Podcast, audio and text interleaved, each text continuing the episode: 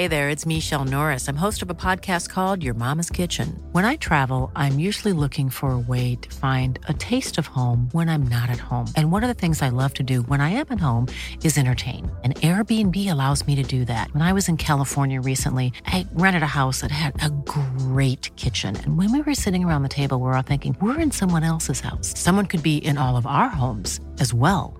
If you have a home, but you're not always at home, you have an Airbnb. Your home might be worth more than you think. Find out how much at airbnb.com/slash host. Hey, it's Ryan Reynolds, and I'm here with Keith, co star of my upcoming film, If, only in theaters, May 17th. Do you want to tell people the big news?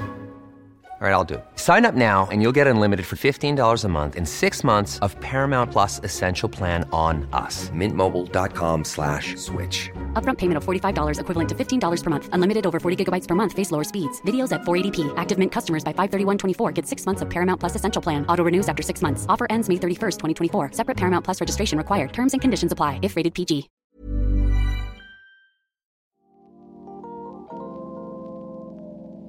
Det här är ett samtal med Erik Nord, mångårig chef inom polisen i Göteborg och Västra Götaland.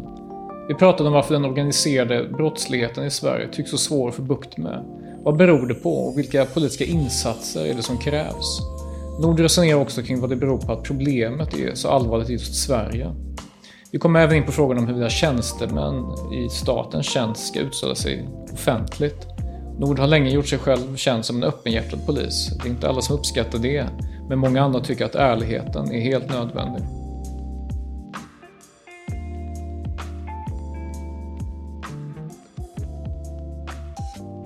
Erik, du var under åtta år eh, chef för polisområde Göteborg eh, och du har varit chef hur länge som helst in, inom, inom, inom polisen eh, och verksam mest liksom i Västra Götaland, Göteborg.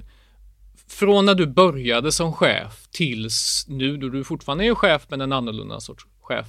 Vad är den största förändringen liksom för, för polisen? Liksom, vad var din egna observation? Så, att, så här var det då och nu har det förändrats. Vad skulle du säga? Ja, det är mycket, mycket som har förändrats men eh, mycket är ju likadant också. Och det är ju det som gör polisarbetet ser ungefär likadant ut runt hela världen när jag har varit ute och tittat på det. Vi har lätt att koppla in i varandra för det är folk oftast som blir fulla och dumma och så sker det konstiga saker. Men det som har utvecklats framförallt sen eh, jag var riktig polis som jag brukar säga när jag jobbade på fältet det är att vi har fått in en organiserad brottslighet som vi inte haft tidigare i, i Sverige. Och eh, ett tag så var det ju mc-gängen som var det viktigaste. Men alltså, eh, nu är, det ju, är vi ju inne i en väldigt allvarlig utveckling med de här gängskjutningarna och sprängningarna. Som eh, en, sätter oss i, på en unik plats i hela västvärlden nästan när man jämför. Var, varför blev det på det viset? Ja, det får nog någon forska på i efterhand men det finns en del, jag tror att migrationen till Sverige en eh, integration som inte har fungerat. Det kan vara en ren volymfråga. Och eh, att vi får in väldigt mycket annan kultur och så lite aningslös svensk eh, återhållsam konsensustänkande. Det är nog några av ingredienserna i det här där jag, där jag tror att vi, vi har hamnat fel. Vi har haft en alldeles för liten poliskår för, för länge. Och det gick bra. Det, innan vi förstod att polisen var alldeles för lite, då hade vi fått problemet vuxit sig väldigt starkt. Och det tar tid att komma ikapp. Vi är på väg, men vi är inte där och det finns inte ens beslut om att vi ska helt och hållet ikapp. Eh, så att vi behöver nog göra en hel del åtgärder. Det är inte bara resursfrågor utan det handlar också om verktyg som vi behöver. Mm. Alltså du talar om att komma ikapp på något vis och det handlar ju kanske om att ja, men, att olika delar av samhället samarbetar. Jag tänker så här Skatteverket, Kronofogden, kommuner, hela, hela paketet liksom för att Alltså det är en grej med mm, fylleri, enstaka brott och så vidare. Så det är inte så organiserat men, men vad vi möter nu i Sverige är ju väldigt mycket liksom så här, småorter med organiserade gäng liksom med internationella kopplingar. Så hur kommer man ikapp det från polisiärt håll? Ja, men det finns ett sätt att göra det. Vi pratar ju väldigt mycket i Sverige om att, eh, att vi ska göra sociala insatser och hela samhället ska med och så vidare. Då. Det, det är jättebra. Det finns väldigt goda intentioner i att inte ha för stora ojämlikheter i ett samhälle. Men att rätta till det här problemet vi har nu med att bygga fritidsgårdar, det tror inte jag på. Det tar alldeles för lång tid och det är alldeles för oprecist för att få träff i målet mot skjutningarna och sprängningarna. Där finns det en sak att göra som är hyfsat enkel och går ganska fort och det är att klara upp brotten. Vi måste klara upp brotten. Varje brott vi klarar upp innebär att det då kallnar intresset av att delta i den verksamheten. Men nu ligger Sverige någonstans på dödsskjutningarna. 25 procent var den senaste jag såg då när det handlar om de här gängrelaterade dödsskjutningarna. 25 procent av de brotten blev uppklarade. För en ung man med lite taskig eh, konsekvenstänk som går in i det här så eh, är 25 procent, ja 75 procent klarar man sig, alltså klarar jag mig. Vi måste över 50, vi ska upp mot 60, 70, kanske till och med vända det där så att tre gånger av fyra åker man fast, då kommer vi att kunna strypa den här brottsligheten på ett betydligt enklare sätt än att försöka åtgärda det med social, social ingenjörskonst. Mm. Men man har ju länge haft i Sverige, så det har varit en, kanske det dominerande paradigmet inom politiken att, att mycket av det som händer i Sverige beror, alltså med, med organiserade gäng, att, att du har Eh, det går ner i åldrarna väldigt mycket. Du har liksom personer i tioårsåldern som hjälper gängen och liksom rekryteras in. Du har skjutningar begångna av liksom 15-åringar och så. Och det dominerande paradigmet i Sverige har varit att men det här beror på, på socioekonomiska problem, liksom ojämlikhet, fattigdom och så vidare. Och det är ju såklart ett, ett delmoment. Men kommer ett mer eh, ett mer liksom offensivt välutvecklat polisarbete kunna stävja det när det är så unga personer involverade? Ja, men jag, jag, tror det. Jag tror att vi ser ju det nu. Peppa peppa tar i trä. Vi har ju en ganska god utveckling här i, eh, om vi tar i Region Väst och framförallt i Göteborg då som är storstaden. Där vi har fått igång ett väldigt bra lokalt polisarbete som är med och ser vilka tioåringar som sugs in i de här eh, eh konstellationerna. Vi har en modell, eh, du ser den bakom mig här eh, på en av, på en av planscherna bakom mig, eh, som vi kallar cylindermodellen. Där vi har ett sätt att vaska ur vilka personer är det som vi är intresserade av. Och den börjar redan på sjuårsåldern. Med, med personer som springer ärenden, står i utkik och så vidare. Vi hittar de här personerna, vi hittar ju inte förstås alla, men hyfsat många av de här hittar vi i våra cylindrar. Och när vi tittar på dem så är det eh, som för Biskopsgårdens del så var, eh, bor det ungefär 30 000 människor där. Och när vi har kört cylindern där så är det ifrån sjuåringar upp till de absolut grövsta ledarna där uppe så talar vi om 150 individer. Och det säger ju sig självt att det är enklare att gå på individerna och bli lite mer kirurgisk där än att vi ska gå och försöka vaccinera alla 30 000 för det är ju, de, de flesta av dem behöver ju inte vaccineras mot det här. Sen finns det andra skäl till att man ska jobba med orättvisor i samhället. Men det är just där jag känner att där går vi fel ibland i den svenska modellen där vi tänker att eh, ja, vi ser gärningsmannen som ett offer för eh, olyckliga omständigheter. Och det kan ju vara så på individnivå men på en strukturell nivå när man tittar på det så får man ju fundera över hur ska vi komma till rätta med det här? Och då är det att klara upp brotten. Och det kommer vi att kunna göra men då behöver vi de rätta verktygen. Om vi har Europas största bekymmer med unga människor som skjuter varandra och eh, placerar ut bomber mot varandra så vore det ju rimligt att vi hade de bästa verktygen för att komma till rätta med det här. Men så ser det inte ut idag. Blir det inte svårt att närma sig en lösning på det problemet om man i den offentliga debatten fortfarande håller på och träter om huruvida vi har det största problemet? Det är någonting jag stöter på rätt ofta. Att man inte man tycker nej, vårt problem, vi, brotten går ner liksom i Sverige. Eh, och, och visst plockar man ut jag vet inte, bedrägerier så är det inte lika många, eller stölder så kanske de, det ligger platt och sådär. Det är ju olika, men, men jag stöter ofta på den här diskussionen att nej, men det är inte så jäkla farligt. Liksom. Att man, man är mer upptagen om, om själva liksom beskrivningen av situationen än att... Så kan det vara. Så kan det vara. Jag, jag tänker att det är ju helt rätt att det, eh, det, vad heter det den totala brottsligheten, den har gått ner. Och hade vi inte haft det här bekymret med dödsskjutningarna och den internationaliseringen av brottsligheten så hade, så hade ju den generella brottsligheten gått ner sen när jag började. Det var betydligt fler bostadsinbrott. Men det är också som så att eh, eh, bedrägerierna går upp nu väldigt mycket och det är ju ett sätt att skaffa sig pengar där det, folk skyddar sina bostäder och, och bilar är inte så lätta att stjäla och så vidare. Eh, så att eh, några brottsgrupperingar går upp. Eh, när det gäller det dödliga våldet i samhället, det, totalt sett så har det inte hänt sådär jättemycket. Vi ligger ungefär på de nivåerna vi har gjort de senaste 10-15 åren. Men det är ju dödsskjutningarna som är problemet. Å andra sidan så är en del annat dödligt våld minskat. Det här alkoholrelaterade och det som bedrivs i, i relationer har minskat. Eh, bekymret är ju att det här är ju en, det som pågår nu är en del av eh, en maffiakultur som när den väl får fäste i, och det har den fått i det svenska samhället, så är det inte så där jättelångt innan, man, innan den liksom internaliseras med, med vad heter det, affärsverksamhet och annat. Och då får vi ju, då bryter det ju upp hela det samhällskontraktet som som vi känner, den stora tilliten som finns i det svenska samhället. Om man ska börja muta folk för att få ut sitt bygglov eller om man ska eh, behöva smörja upp systemet för att kunna överhuvudtaget betala sina räkningar. Det är ju inget ovanligt runt om i världen när man tittar ut. Sverige är ju unika i, i, eftersom vi står i precis andra ringhörnan där. Så att eh, eh, jag tror att man, man ska inte ta det här för lättvindigt. Samtidigt ska man inte överdramatisera det här. Det går att få ordning på det. Jag skulle behövt en fyra, fem verktyg och lite bra mannade resurser så hade vi kunnat, eh, tror jag, lösa det här inom ett par år. Vad är det för verktyg du talar om? Vi skulle behöva Europas bästa kameraövervakning på allmänna platser. Eh, Nederländerna har det, England har det.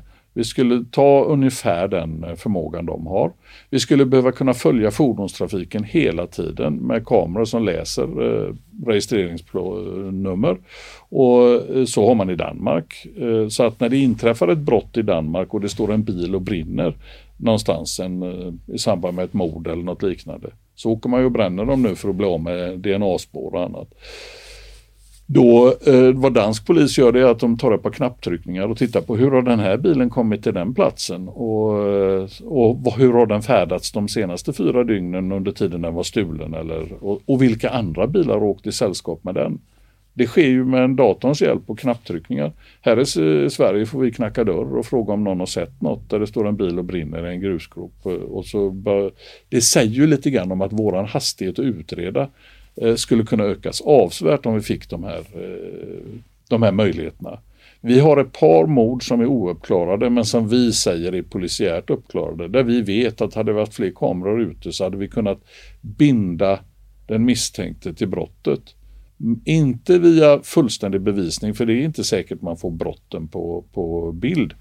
Men eh, genom en eh, stödbevisning och indiciebevisning där man kan konstatera att personen har varit på plats och så här och så stapla omständigheterna på varandra så skulle man kunna få dem fälld eh, för det här brottet. Det är två av sakerna. Det är eh, då kameraövervakning och att kunna följa fordonstrafiken. Sen behöver vi bli bättre på forensiken. Vi behöver få snabbare analysresultat ifrån DNA. Vi har lyssnat på amerikanska kollegor från New Jersey som säger att undersökningen av av hylsor från en brottsplats måste ske omedelbart för att då kan man koppla ihop det vapen återanvänds, även i USA. Eh, det verkar ju vara helt dopat med vapen i USA, men kriminella återanvänder vapen. Och bara genom att kunna koppla in de här eh, mot varandra så kommer man kunna få en, en bild över hur konflikten ser ut och en inriktning på arbetet. Eh, de låg också som vi gör nu då med väldigt långa väntetider, ledtider för att få svar från NFC om eh, deras NFC då. Där vi behöver fundera på lite andra vägar. Jag är inte främmande för att man skulle kunna ha licensierade privata kriminaltekniska laboratorium som skulle kunna vara en del av för att spida upp hastigheten. Eh, och vi, kan, vi skulle framförallt behöva dem i storstadsregionerna där vi inte behövde köra i skytteltrafik till Linköping för att få saker och ting undersökta. Men NFC i Linköping skulle kunna stå för, för liksom principerna och, och strategierna och inte göra allt från A till Ö där uppe då. Där har vi de fysiska bevisen. Sen har vi de digitala bevisen, spåren som vi lämnar efter oss i våra eh, datorer och telefoner och så vidare.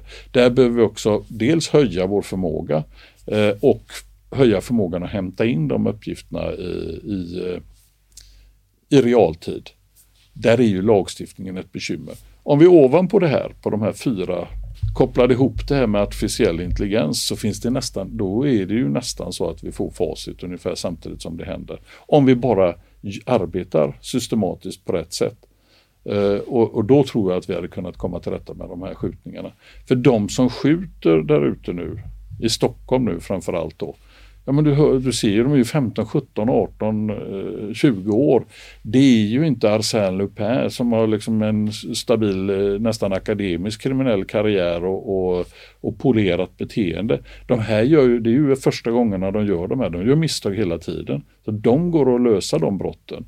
Sen så är det klart att saker och ting flyttar på sig när man blir vi duktiga på något så kommer de andra göra eh, något annat i det här. Men jag, jag, jag tror att det hade gått att lösa ganska enkelt, ja, det ska jag inte säga, men eh, det hade gått att lösa med förändringar i lagstiftningen, bättre verktyg för oss och så mer resurser till oss så att vi når upp till det, det som Tidöavtalet säger då, en, en polistäthet och jag skulle vilja säga en täthet av polisanställda som motsvarar ungefär snittet i EU.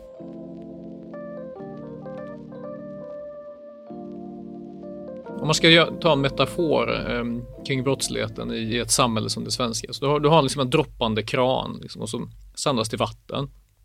Och polisverksamheten är på något sätt liksom en, en effektiv trasa som liksom hela tiden torkar upp och, liksom, eh, och i någon mån så, så, så, eh, ju mer effektiv man är ju, ju yngre förmågor griper man liksom och så sitter det liksom 16-17-åringar i liksom eh, i, ja, sitter inlåsta liksom på ungdomsanstalter och så vidare. Det skapar ett incitament för de här gängen och ligorna eh, att rekrytera yngre så att säga som utför det här.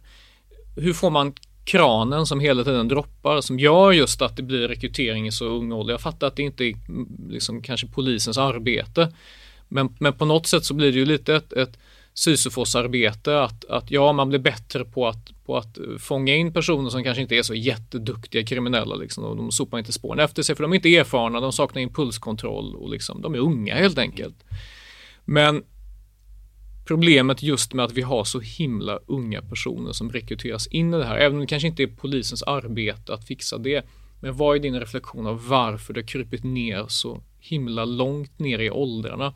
Går det ens att förekomma med effektivt polisiärt arbete som har alla de redskap som du listar här? Ja, men jag, jag tänker som så här, vi såg ju för några år sedan att eh, eh då skärpte ju förra regeringen lagstiftningen när det gäller eh, grovt vapenbrott. Och då, eh, så att det blev mer eller mindre obligatorisk häktning om man gick omkring med skarpladdat skjutvapen på sig. Och, och då slutade de att göra det. Eh, de, i, I det resonemanget som du säger så säger man att det spelar ingen roll, de är så, har lite taskig impulskontroll och det, det stämmer. Eh, men de liksom är ja, lite grann av offer för situationen och de kommer inte bry sig om det. De brydde sig om det. För vi, de vill inte gå, de vill inte åka rätt in och bli häktade och sitta eh, eh två år i finkan. Och, och det gäller även de unga. Alltså det, vi har ändrat kulturen på det. Man går inte omkring beväpnad som man gjorde innan den förändringen. Och det är ju precis så med lagstiftning ska fungera.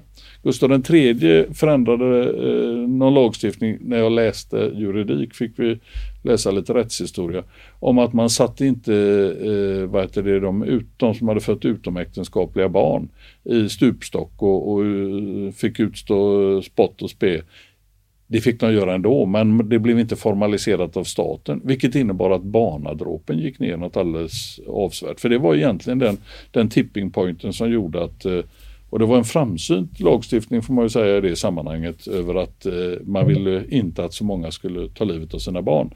Jag tror att det finns en del sådana genvägar att göra i det här också. Men jag tror att det är oerhört viktigt att vi klarar upp fler brott. Sen så får man fundera över hur ska vi lösa det här. Det, det är många komponenter i, i det, den samhällsutveckling vi ser. När jag föddes 1961 så var det 3 miljarder människor på jorden. I höstas gick vi över 8 miljarder människor. Det är klart att det är en annan värld vi lever i. Eh, det finns en teknik som idag gör att kunskap sprider sig väldigt fort och, vi såg ju under hösten 2015 att det dök upp människor som i princip gick hit ifrån Afghanistan och det berodde ju på att de hade kommunikationsutrustning och kunde förstå hur det, hur det där hänger ihop. Så det finns en massa olika saker som gör att lösningarna som passade 60-70-talet i Sverige, de passar inte idag för vi, det, är helt, det är lite andra förutsättningar. Men i grund och botten så, så tror jag att uppklarade brott kommer innebära en broms i det här systemet. du nämnde tidigare att en, en, stor förändring i Sverige har ju varit att själva karaktären på brottsligheten har, har, har förändrats. Ehm, och vi har ju hört en hel del rapportering i Göteborg om att det, liksom det, det flyter in i varandra att du har eh, klaner eller släktnätverk som, som arbetar liksom på, ett, eh, på ett sätt som, och det handlar inte bara om organiserad brottslighet utan det är även liksom ett våldskapital, ett hotkapital, att man håller liksom ett, man kan hålla ett område lite grann i, liksom, i sitt grepp. Eh, och det är ju någon sorts konkurrens om makten för att alltså, i, i, ett, i ett samhälle som det svenska som är i någon mån liksom statsindividualistiskt. Liksom. Vi har en relation med staten och vi, vi är inte beroende av liksom, släktnätverk på samma sätt som vi var för tusen år sedan. För vi var ett klansamhälle, vi var ett utpräglat klansamhälle i Sverige. Väldigt djupt sådant. Eh, nu har vi liksom en, vi har en blandning av Sveriges förflutna mm. på sätt och vis med det här väldigt moderna, sekulära, liksom individualistiska Sverige. Och det är ju liksom inte det är inte illegalt att, att vara en del på något sätt av liksom en, en, en klan eller så, men klanen kan ibland utöva makt på ett sätt som rimmar väldigt illa med rättsordningen i det här samhället. För hela världen är ju i Sverige. Mm. På gott och ont. Liksom. Hur skapas harmoni i ett sådant samhälle? Eh, där på något sätt, och jag tänker vara tydlig här, men jag tycker ändå liksom att på något sätt den svenska statsindividualismen är överlägsen här och vi har ett system och det är det som ska råda. Liksom hur får man det att gå ihop på, på lång sikt tror du? Det behöver inte handla om liksom någon sorts polisåtgärd, det, nej, det, det kanske inte, men, men vad, vad, tänker du för att, kring det? För att så mycket av våldsanvändningen i Sverige kan kopplas till det här, vare sig det är Göteborg eller det är, liksom det är Södertälje. Ja, men jag tror att man ska, man ska nog förstå precis det du säger, att med en stark tilltro till individens frihet och vi ska inte vara kopplade och beroende av våra släkt och fruar ska inte vara beroende av sina män och, och eh, jämlikhet ska råda. Och eh, det finns mycket positivt i det. Det är ju det som gör att vi känner oss stolta över det Sverige som, eh, som jag har vuxit upp i och som du har vuxit upp i. Eh, men det finns också baksidor i det här och ett är lite den där lilla aningslösheten i att vi tror att om man bara blir svensk medborgare och får ett svenskt personnummer så kommer de svenska värderingarna per automatik. Om man kommer ifrån en eh, klan och hederskultur där mammor bröder och pappor kan ta livet av en dotter eller syster eller syster för att hon upplevs som att hon inte följer vissa eh, normer. Då förstår man ju att det är en oerhörd kraft i den där kulturen.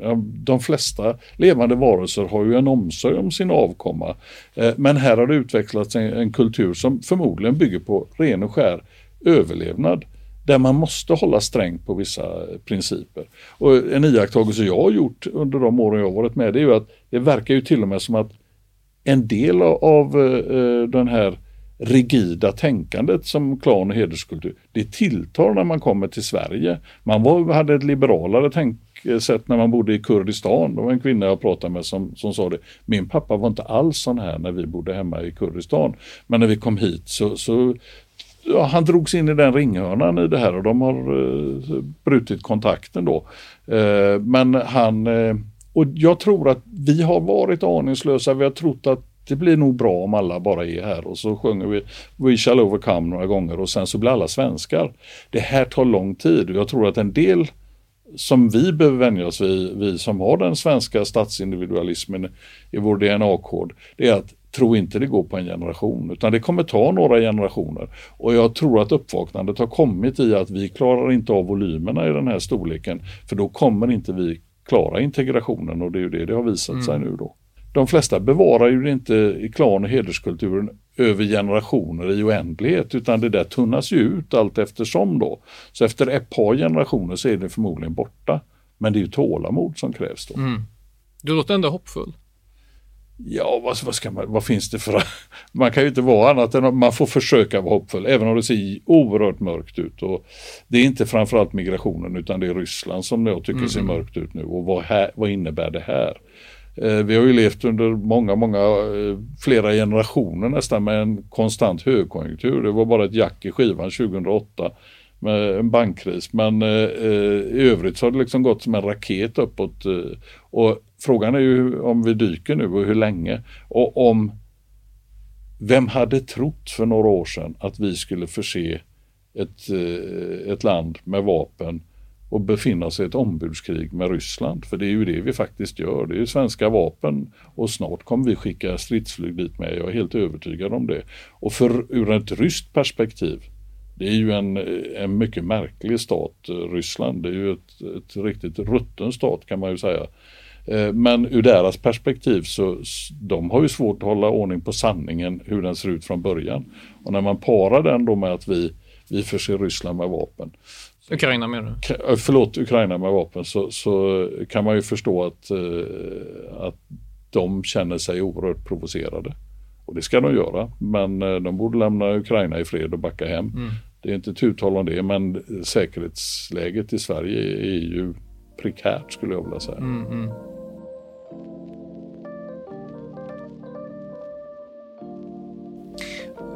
vi, vi, vi har ju liksom så här flipfloppat rätt mycket olika frågor. Mm. Um, alltså när det kommer till sådant som exempelvis uh, integration, migration, jag tänker även på hedersvåld, alltså för, för några år sedan så diskuteras det fortfarande, existerar det, mm. liksom, finns det, vi har hedersvåld i Sverige också liksom.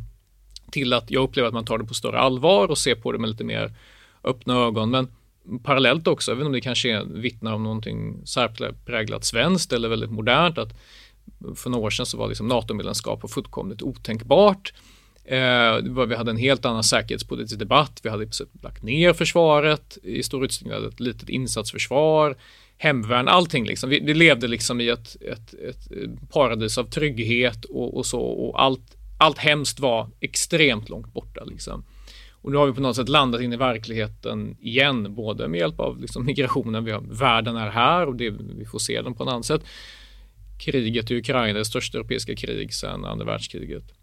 Är det liksom är, vi, är, är, det den här slitna klyschan att vi är fredsskadade och därför har lite svårt att föreställa oss hemskheter och att vi behöver vara förberedda eller något annat? Det kanske inte är unikt.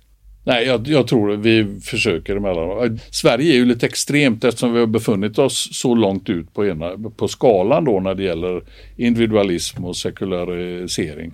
Eh, men eh, eh jag, jag och det, det växer en aningslöshet in i det här samhället. Men det är ju inte bara vi som har gjort det här. Det har funnits så positiva effekter av globaliseringen och ekonomin som har hållit den här högkonjunkturen i en nivå som vi har, det finns nog inga generationer som har upplevt det tidigare. Så man har väl eh, liksom, man har inte velat riktigt inse hur, eh, hur utvecklingen går.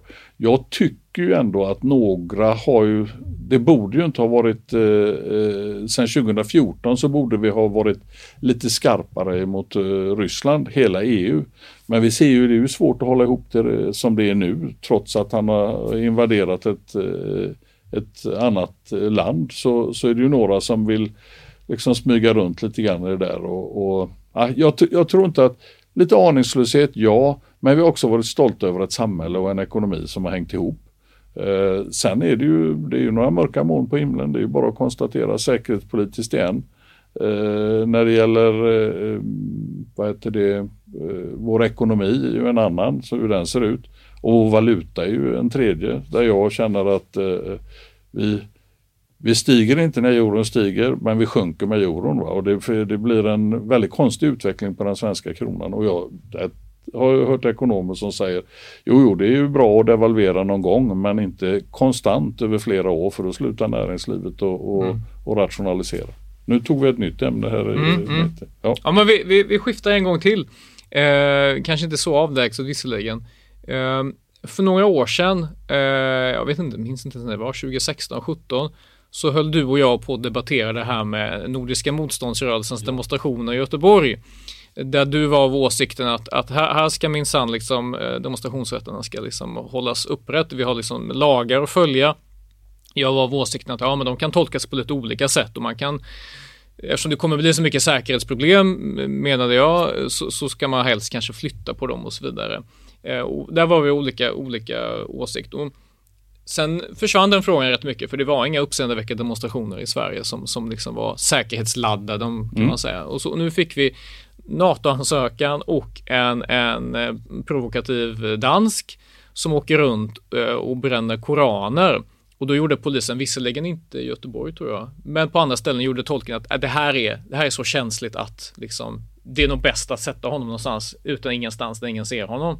Mm. Hur kommer det sig att man gör så olika tolkningar? Vad, vad tänker du kring, liksom, om du har det här lite grann perspektiv, NMR-demonstrationen? Ja, jag, jag, är, jag är ganska övertygad om att, att den bedömningen som har gjorts av eh, Stockholmspolisen nu över att han inte ger någon tillstånd, den kommer inte stå sen när den prövas av domstolar.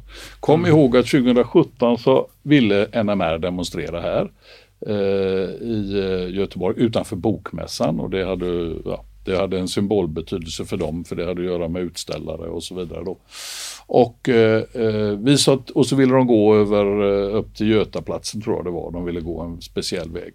Det var lite upptaget av en annan demonstration och vi tyckte det var direkt olämpligt att de ställde sig vid korsvägen och började. Så vi sa till dem, nej det får ni inte. Men vi kan inte bara säga nej utan mm. vi ska liksom försöka hitta andra lösningar. Då sa vi att ni får börja vid eh, ja, vad var det, eh, Berzelius, Smålandsgatan där någonstans och ställa upp där och så får ni gå och ni kan inte gå till Götaplatsen därför att där finns det redan en demonstration även om det var en liten då. Vi vill inte ha dem på Avenyn för vi är rädda över att det skulle bli sönderslaget på Avenyn. Utan då gav vi dem ett alternativ och det var att gå till Geo torg och då, eh, där blev ju alla arga över att vi, och så var det Jom Kippur och så, och, och hette det väl va? Mm. Ja. Ja, judiska nyåret, är det inte så? Ja. Och då, eh, jag menar, varje demonstration i Göteborg går ju nära synagogan om man räknar att ens inte kan gå förbi på Drottningtorget då. Då kan vi inte ha dem på, eh, vad heter det, eh, Östra Hamngatan heller, för det är väldigt nära. Så att det blev en väldigt konstig diskussion där då, ungefär som att vi tillät mm. dem att gå till synagogan. Mm. Nej, vi skulle ha dem förbi Drottningtorget. Där, eh, och så blev det då överklagat. Eh, då. Det överklagades av flera olika. Bokmässan och det var, eh, ja, och där tror jag att förvaltningsrätten i Göteborg seglade iväg lite grann på eget eh, och, och bestämde bara att nej vi stannar här utanför Gamla Ullevi. Ja, då var det en fotbollsmatch där, det hade inte de tänkt på. Så att när det gick upp till kammarrätten så fick de så här, eh, ja då fick de korta tiden och så vidare då. Eh, men det var ju två domstolar som sa att de skulle få demonstrera och vi hade justerat vägen innan. Men det blev väldigt fokuserat på oss så att vi tillät dem att demonstrera. Uh, och där fick jag fick åka upp, jag var uppe på uh, vad heter det, i Stockholm vid två tillfällen på uh, judiska intresseorganisationer och för, försökte förklara det här men det blev ju i princip bara att man fick ju mycket skit i mm. det där sammanhanget. Jag är helt övertygad om att, eh, eh, att vi tog rätt beslut då.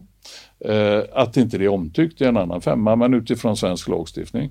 Jag är lika övertygad idag om att Rasmus Paludan ska få bränna sina koraner eh, eh, utifrån den svenska lagstiftningen ser ut och att det sättet på vilken svensk polis idag har tagit beslut om att säga nej, det är inte överensstämmande med, med eh, lagstiftningen. Men vi får ju svaret, vi får se. Det kan ju vara så att jag har fel också. Det må vara hänt. Det hade ju varit intressant någon gång att ha det, bara så man visste hur det mm. kändes. Mm. Men, eh, men som sagt var, jag, jag är ganska övertygad om att det kommer bli en förändring i den där. Och, utan, Vilken sorts förändring? Ja, de, de, han kommer få tillstånd att göra det. Han kommer. Sen så behöver man ju, kan man ju fundera över, ja men om det blir väldigt, väldigt oroligt på en viss plats. Här i Göteborg så ville han vara uppe i de utsatta områdena när han skulle bränna sina koraner. Och då sa vi nej, det tycker inte vi är lämpligt och så anvisade vi en annan plats och då godtog han den. Så att då var ju det, då var vi vid Frölunda torg istället för att vara uppe i Hjällbo centrum. För vi trodde det skulle kunna bli väldigt eh, mm. rörigt och stökigt där. Men att ta en person som ska utnyttja sin yttrandefrihet hur korkade åsikter den är och så placera dem på en potatisåker i Hällinge, Hällesåker eller något liknande. Det, det, är inte så lagstiftningen ser ut. Mm. Utan man måste få, och det är ju en avvägning förstås, hur man, vad man ska få framföra för någonting. Men om nu Rasmus Paludan vill göra det här så är det ju inte som så att det är våran sak att se till att han kan göra det och serva honom på alla upptänkliga sätt. Utan eh, det får han göra en egen riskbedömning över hur han vill åka och ta sig fram och så vidare. Nu har han ju fått en väldigt kraftfull hotbild på sig som jag tror dämpar honom lite grann. Den ligger ju snart i paritet med Lars Vilks. Mm. Men det är klart att vi, om vi ska skydda någon som ska ut och göra det här så måste vi också kunna ställa krav på att, vänta lite grann, du kan inte räkna med att du ska kunna göra allting helt offentligt Eh, det är, inte, det, det är inte vår sak att, att hantera eh, den bilden. Du måste ta ett eget ansvar för vad du gör. Mm. Tror du att polisen tog någon sorts säkerhetspolitisk hänsyn i bemärkelsen att man, man tänkte att det finns en, en känslighet här eh, gällande vår, vår liksom NATO-ansökan? Eller, eller tror du, Men du vet, juridik ibland, det ska man inte överlåta åt jurister för det kan bli hur konstigt som helst. Och jag tror att det är någon som har man hittar nya modeller, man vill testa någonting. Eh, och, eh, jag, jag, jag, tror att någon har gjort ett felslut i tanken när man kom fram till det här. Mm. Eh, och att man skulle testa det här, den här modellen. Jag tror inte det är som så att det är vår statsminister som har ringt och sagt att eh, kan inte göra så här. Utan den där uppstår liksom organiskt i mm. en så stor statsförvaltning som polisen. Och så mm. testar man.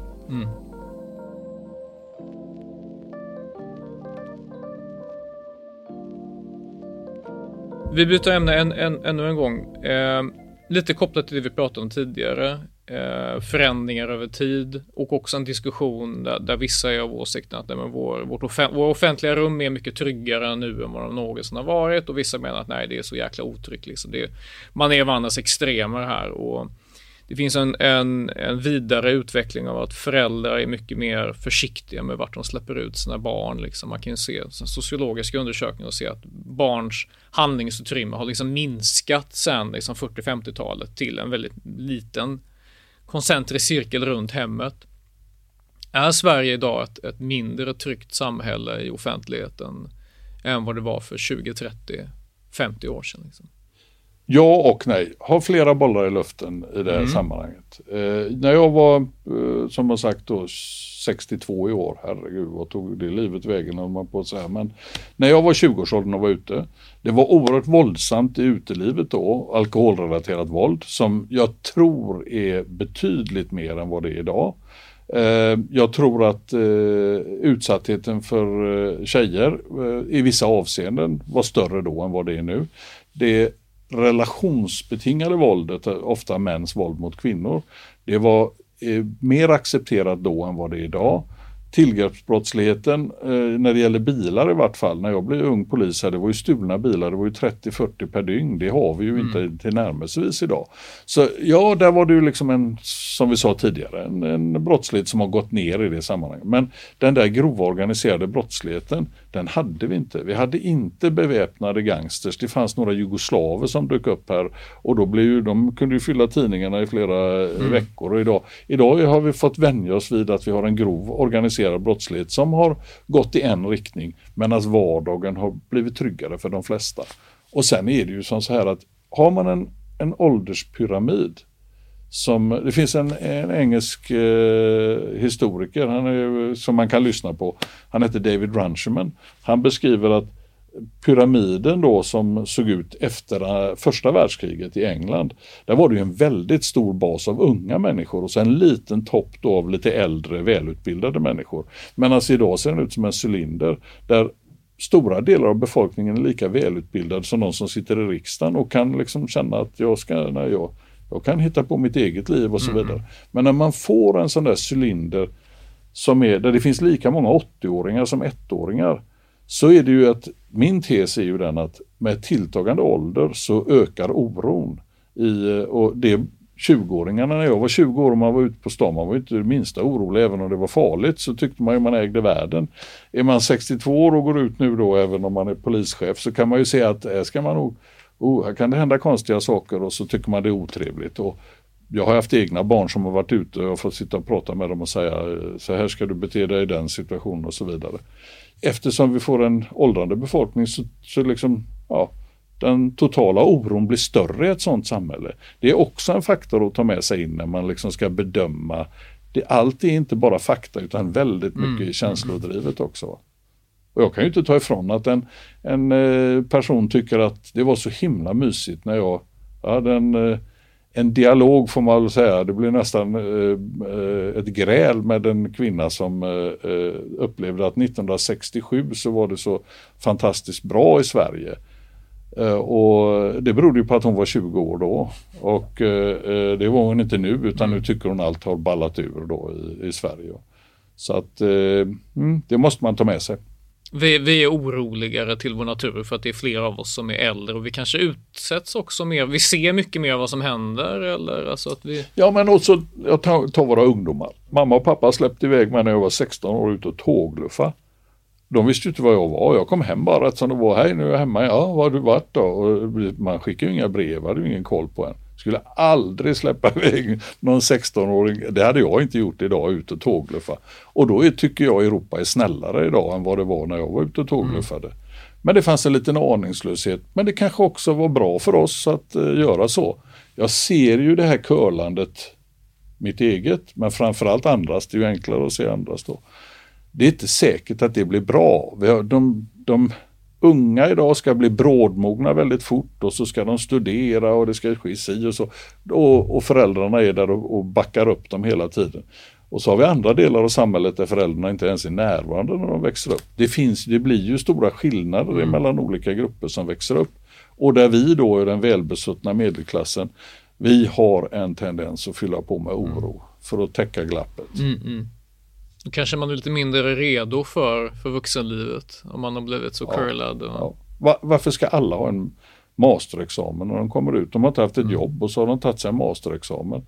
Jag tänker det kommer ju inte sluta väl det här. Eh, för de flesta arbetsuppgifter man får i sitt första arbete, de motsvaras ju inte av det man har läst då. Mm. Du har ju i mångt och mycket varit en väldigt, en väldigt frispråkig tjänsteman liksom. Mm. Eh, polis, eh, chef, men du, du hörs ju mycket i, inte minst via Twitter och sen har du skrivit kolumner. Eh, det är rätt ovanligt, även om det är vanligare nu än vad det var kanske för tio år sedan. Uh, och en del tycker det här är toppen. Kul att uh, folk inifrån professioner hörs, har åsikter och så vidare. En del tycker det här är fruktansvärt. Uh, jag har själv tänkt så här jäkla polistjänstemän, det var du och Claes Friberg, liksom, ni ska veta ut och inte hålla på och uttala er om lagstiftningen, ni ska lyda liksom. Ja. Uh, men det, det, finns både upp och nedsidor på det liksom. Men, men vad tänker du själv om rollen som liksom, polis som också uttalar sig och, och tillåter sig själva ha liksom, tankar och åsikter i liksom, den bredare samhällsdebatten. Det hade inte funkat på 50-talet, då hade Nej. inte jag varit chef. Då hade jag inte, men det funkar nu. Mm. Uh, och, och jag tycker i grund och botten att det är bra. Jag får ju lägga band på mig ibland så jag inte ska bli för yvig. Uh, det kan jag bli ändå. Men uh, jag tänker just det där att det är helt okej okay att, att en en person, en professor i sociologi kan gå ut och berätta om saker och ting och, och, delta i samhällsdebatten. Men en polischef ska vara tyst och sitta still. Det ville er kulturredaktör bland annat. Mm. Han tyckte jag skulle ta med pyjamasen vid något tillfälle. Men, och, och man mäter med olika mått om jag är överläkare och säger att eh, det här sjukvården går åt fel håll, vi måste försöka få rätsida på det här, så tycker alla att det verkar sunt och begåvat. Men om jag säger det som polischef så säger man du ska inte uttala dig utan du ska, det finns en annan, eh, oj jag ska ta bort det ringde, det var det som var ljudet där. Men om jag, eh, det accepterar vi och vi accepterar att det finns rektorer som går ut och berättar om, om sin verksamhet med fel och brister och så vidare. Men jag upplever att acceptansen för att vi skulle gå ut och även inom vår organisation, ska du verkligen säga det, säger de då. Ja, men om jag ser det så berättar jag det, så får väl andra sortera i vad de tycker, mm. vad de håller med mig om eller inte. Jag har aldrig haft några bekymmer att i enskilda fall där jag bedriver myndighetsutövning totalt nollställa mig och vara objektiv. Och det gör jag ungefär som när jag var fotbollsdomare åt mina söner. Va? Att vet man inte vilket håll inkastet gick så är det alltid bortalagets. Va? Och, och det innebär att jag har inga bekymmer med det. Jag har, tror jag, ett ganska stort förtroende även på vänstersidan eh, och till viss del även på, på den högerextrema sidan. Mm. Till viss del. Genom att jag har haft dialogen och jag berättar vad jag tycker och tänker. Finns det inte någon skillnad då? Alltså, du nämner en sociologiprofessor, en läkare. Liksom. Är, inte representanter för eh, rättsväsendet, inte det en annan, en annan dignitet på något sätt. Alltså det är våldsmonopolet, eh, lagens utövare i någon mån. Blir det inte mer känsligt då? Jag tycker inte det. Jag tycker inte det. Det beror på hur man, hur man, i vilka frågor man går in i. Men att, eh, eh att eh, vad heter det, generalsekreteraren i Advokatsamfundet går ut och uttalar sig om att viss lagstiftning borde vara utformad eller inte borde vara utformad. Det är också en spelare i det här rättsväsendet. Det, det, det tycker de flesta av oss är rätt okej, okay, att de går ut och varnar för att mm. de tycker att si och så. Men jag måste ju också få gå ut och säga vad jag tycker och tänker. Det här tycker Erik. Men när jag tillämpar lagstiftningen så får jag göra det objektivt. Tror du att det har satt lite, eh, liksom, har det varit ett föredöme för andra poliser eh, på, an, på olika nivåer i, i er komplicerade hierarki? Att, att fler, fler känner att de vågar eh, säga lite grann, berätta om sitt arbete och vilka omständigheter ja, det, En av drivkrafterna för att jag varit öppenhjärtig, det är att när man är chef då, när jag var chef i Göteborg så var jag chef över ungefär 1700 personer. Nu är jag chef för ungefär 700 personer det är ju att man når ju inte alla. De flesta träffar ju inte mig. Vi sitter inte och pratar så som du och jag gör utan mm. de lär ju känna mig bland annat via sådana här, en podd eller mm. en, en intervju och det jag går ut, kanske Twitter, det är rätt många som följer där också.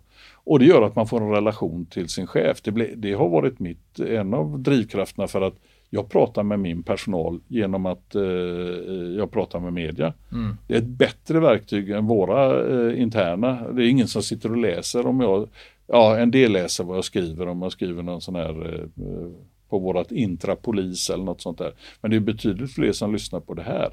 Och, eh, och det är ett sätt att utöva ledarskap, tycker jag. Eh, och sen är det också ett sätt att förklara vad vi gör inom polisen och vad det här går ut på. Lite tankar och reflektioner och så vidare då. Men det finns, det finns många som blir nervösa när jag närmar mig en mm, journalist. Mm, mm, mm. Tror du att, tror du att Polismyndighetens rykte har solkats efter de liksom senaste åren? Som det både en omorganisation som verkade varit rätt stökig, kanske inte många som vet detaljerna i den. Um, och, och sen att, att många upplever ja, men, ökad otrygghet även om de kanske inte är grundade alltid i, i verkligheten och sen interna skandaler och sånt och så på det så har man liksom Södermalmspoliser som håller på och twittrar om, om brottsmisstänkta och så vidare. Alltså, tror du att Polisens så här, hatar ordet varumärke, men liksom anseende är ett bättre ja. ord. Jag tror att polisens anseende har blivit solkat de senaste åren. Nej. Jag tror inte det. Nej, jag tror snarare tvärtom. den unga generationen som växer upp nu, de är ju vana vid det här sättet mm. att kommunicera. Och, och, jag tror att vi skulle framstå som jättekonstiga om inte vi liksom deltog i samhällsdebatten. Mm. Uh, jag tror inte alls det. Jag tycker uh, det är bra med kollegor som twittrar. Vi får ju vara försiktiga så vi inte liksom att ta kort på utsatta människor och lägga ut även om man har blurrat eh, ansiktet på dem. Nej, det ska man inte göra, absolut inte. Eh, men, men att man beskriver vad man ser. Mm. Men det är, jag, jag tror att det bara är till godo det.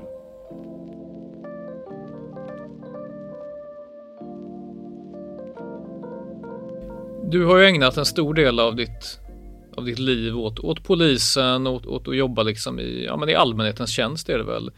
Och du har inte jättemånga år kvar till pensionen. Eh, och om du skulle ge ett råd till någon som liksom funderar på polisyrket eller som överhuvudtaget har tänkt tanken liksom. Vad, vad, skulle du säga så här? Glöm inte det här när du är inne här eller det här säger ingen till dig när du börjar som polis eller jobbar inom eller någon som överhuvudtaget funderar. Vad, vad skulle du säga till en sån ung person? När jag klev in här, jag är uppväxt i Göteborg Eh, och har, hade massa kompisar som jag växte upp ihop med som inte var poliser. Jag halkade in på det här genom att eh, det var väl militärtjänstgöring där jag eh, blev militärpolis och så ja, blev jag lite intresserad och så sökte jag in sen. Det som händer när man blir polis det är ju att, eh, att man får se väldigt mycket hemskheter och baksidan av samhället.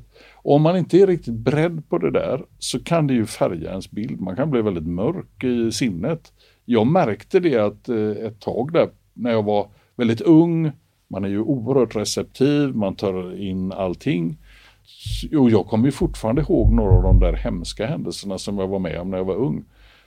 Det kan, det kan bli som så, framförallt om man flyttar till en stad som Göteborg och börjar jobba här, om man kanske kommer från Småland. Som, och, så blir det ett, en geggamoja av elände som kan bli rätt jobbig att bära. Och, och, så börjar man dela upp människor i häktade och ännu i häktade människor ungefär och det blir en väldigt digital syn. Det måste man vara vaken på om man ska jobba med det här. Det är inget unikt för polisen, samma sak drabbar socialsekreterare tror jag. Alltså man måste hålla lite distans till det och så måste man kunna skratta åt det och så måste man kunna reflektera över vad det är som händer. Det som har hjälpt mig i det här det är ju att, eh, att jag har läst lite historia, helt privat, men jag förstår varför vi hamnar i vissa situationer. Jag har en liten berättelse om det där. Jag, ett, en gång så skulle jag eh, åka ihop med en kollega. Han är precis pensionerad nu, han var några år äldre än vad jag var. Och han hade kroatiskt ursprung. Och jag visste ju inte mycket om eh, det där med Jugoslavien var ju eh, lite rörigt och stökigt. Man visste lite grann om Ustasja och, och, och kroater och annat. Så jag tänkte att jag får ju lära mig lite om det så man inte trampar fel då. Eh, så jag läste in eh, någorlunda från Balkankrigen och, och ja, från Osmanska riket och via Balkankrigen och, och vad som hade hänt då fram tills till ja, nutid ungefär. Vi stod ju precis, mm. det här var i samband med att Jugoslavien bröts upp då. Så när jag började jobba ihop med, med Martin då så, så gick det ett tag sen tänkte jag, ja jag kunde hålla koll på det där då. Gick det ett tag så tänkte jag, jag undrar om inte jag har bättre koll på Jugoslaviens historia än vad Martin hade. Och det hade jag ju ett perspektiv, det objektiva skolperspektivet. Men han kunde ju bidra med så oerhört mm. mycket över liksom vad som har hänt i familjer och släkter och annat. Det där tycker jag är, det där är balsam för själen över att förstå lite mer och kunna sätta i, reflektera över hur saker och ting hänger ihop. Mm. Eh, det hjälper mig och det skulle jag gärna vilja att alla de som kommer in som nya poliser nu, nu är de lite äldre när de kommer in så man har med sig lite mer livserfarenhet, det hjälper också. Men eh, att inte stanna i det mörka bara. Tack så mycket Erik. Tack.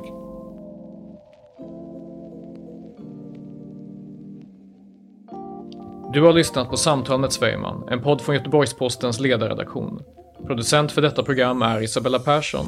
Mitt namn är Adam Zweiman och nya avsnitt kommer varje tisdag.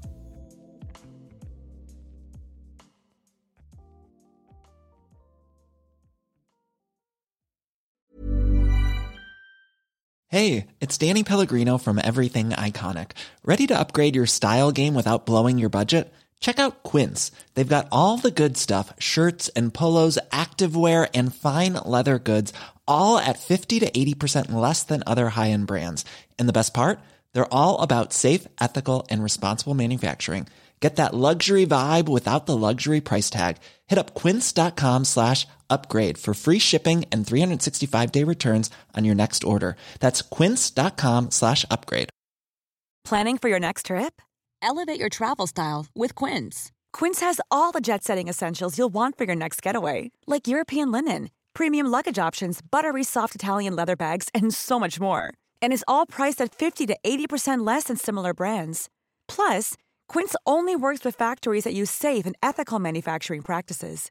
Pack your bags with high-quality essentials you'll be wearing for vacations to come with Quince. Go to quince.com/pack for free shipping and 365-day returns.